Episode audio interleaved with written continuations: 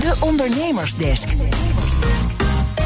In de ondernemersdesk groeien kijkt Conor Klerks naar verschillende innovatieve manieren waarop bedrijven en branches zich nu draaiende weten te houden. Vandaag de kappers. Ja, het uh, politieke is ook persoonlijk, hè, Conor? Gij, ijdeltuig. ja, dat kun je eigenlijk wel zeggen. Ja, het komt, uh, het komt allemaal in één keer heel erg dichtbij. Ja, hoe dichtbij? Want dit, dit, wist ik niet. Maar jij gaat gewoon iedere maand op dezelfde dag zo ongeveer naar de kapper? Ja, ik ben er echt heel erg uh, vast in. Ik ga eigenlijk altijd rond de 24ste, 25ste ga ik, uh, ga ik naar de kapper. En uh, ja, ik zag het bui al hangen. nu natuurlijk dat dit allemaal niet doorging. Maar ik was gewoon al lekker thuis aan het werken. Maar inderdaad, ergens een paar dagen voor de 24ste kwam dan het besluit dat het ook echt gewoon niet meer ging lukken. Ja, nou, dat komt dan in een kaart aan, hè? ja, dat komt wel binnen. Ja, ja en, en eh, als het nu dus niet doorgaat, uh, heb jij nog uh, een, een, een, thuiskapper op het oog? Of, uh, of gaan we iets heel erg verwilderd zien? Mochten we ooit weer onze huizen uit ja, kunnen. Ik geloof dat een, een thuiskapper ook een beetje contraproductief is. Nee, maar stel nou dat jij bijvoorbeeld met een, met een huisgenoot zou wonen die de, kapper, die de kapperschaar kan hanteren. Ik heb dat wel eens, uh, dat geluk wel eens mogen. Nou, ongeluk was het uiteindelijk bleek het. heb ik wel eens mogen ervaren. Ja, ik ben bang dat ik toch gewoon met, uh, met een flinke bos haar uh, over een tijdje hier uh, uit mijn bunker kom hoor. Oké, oké. Maar goed, je denkt misschien wel na over hoe dat dan zou zijn en hoe het nu met de kappers is. Je hebt, je hebt gesproken met iemand die daar iets over kan zeggen. Ja, zeker. Ik kreeg namelijk een mailtje van mijn kapper. Um, of ik ze wilde steunen door uh, alvast een waardebon te kopen voor een knipbeurt. En dat is een actie die is opgezet door Keunen Hair Cosmetics. Dus een uh, bekend merk voor wie uh, wel eens in een wat luxere salon komt. Ja, ja, luxe, maar luxe, kom maar, ik meteen, weet het. wat? Nee, al een luxe jongetje. wat ja. vragen bij. Uh, zoals, ja, wat is de rol nou van Keunen en wat gebeurt er met de, met de inkomsten als dadelijk iedereen ineens uh, die bon gaat inleveren? Want volgens mij hebben ze dan ook weer een cashflow-probleem. Maar uh, ben daarover gaan praten met Armand de general manager Nederland van Keunen Hair Cosmetics. Uh, het principe is eigenlijk heel erg eenvoudig. Uh, het principe is erop gestoeld dat een consument direct via het portal wat wij in de lucht hebben geroepen, zijn kapsalon kan ondersteunen door het aanschaffen van een waardebon. Die waardebon is dan uh, bij aanschaf uh, betaalt hij daarvoor. En zodra de salons weer open zijn, uh, vallen deze te verzilveren in de salon.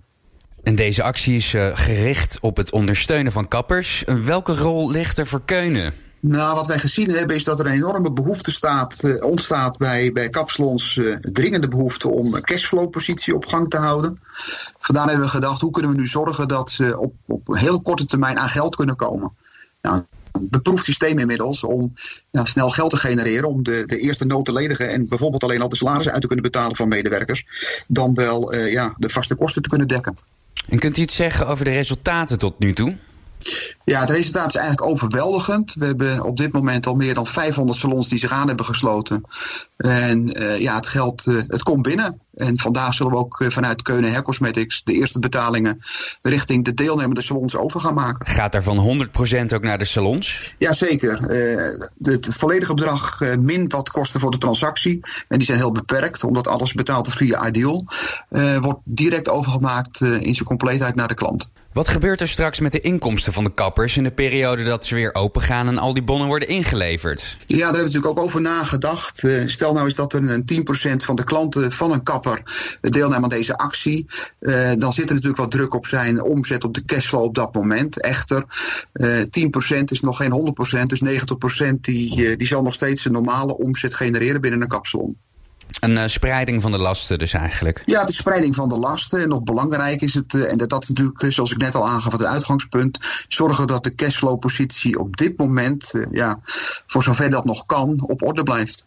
En welke invloed heeft de coronacrisis op de bedrijfsvoering van Keunen? Uh, ja, die is natuurlijk groot. Uh, wij leven natuurlijk van de, de, de kapper, van de inkopen van de kapper bij, bij ons als toeleverancier.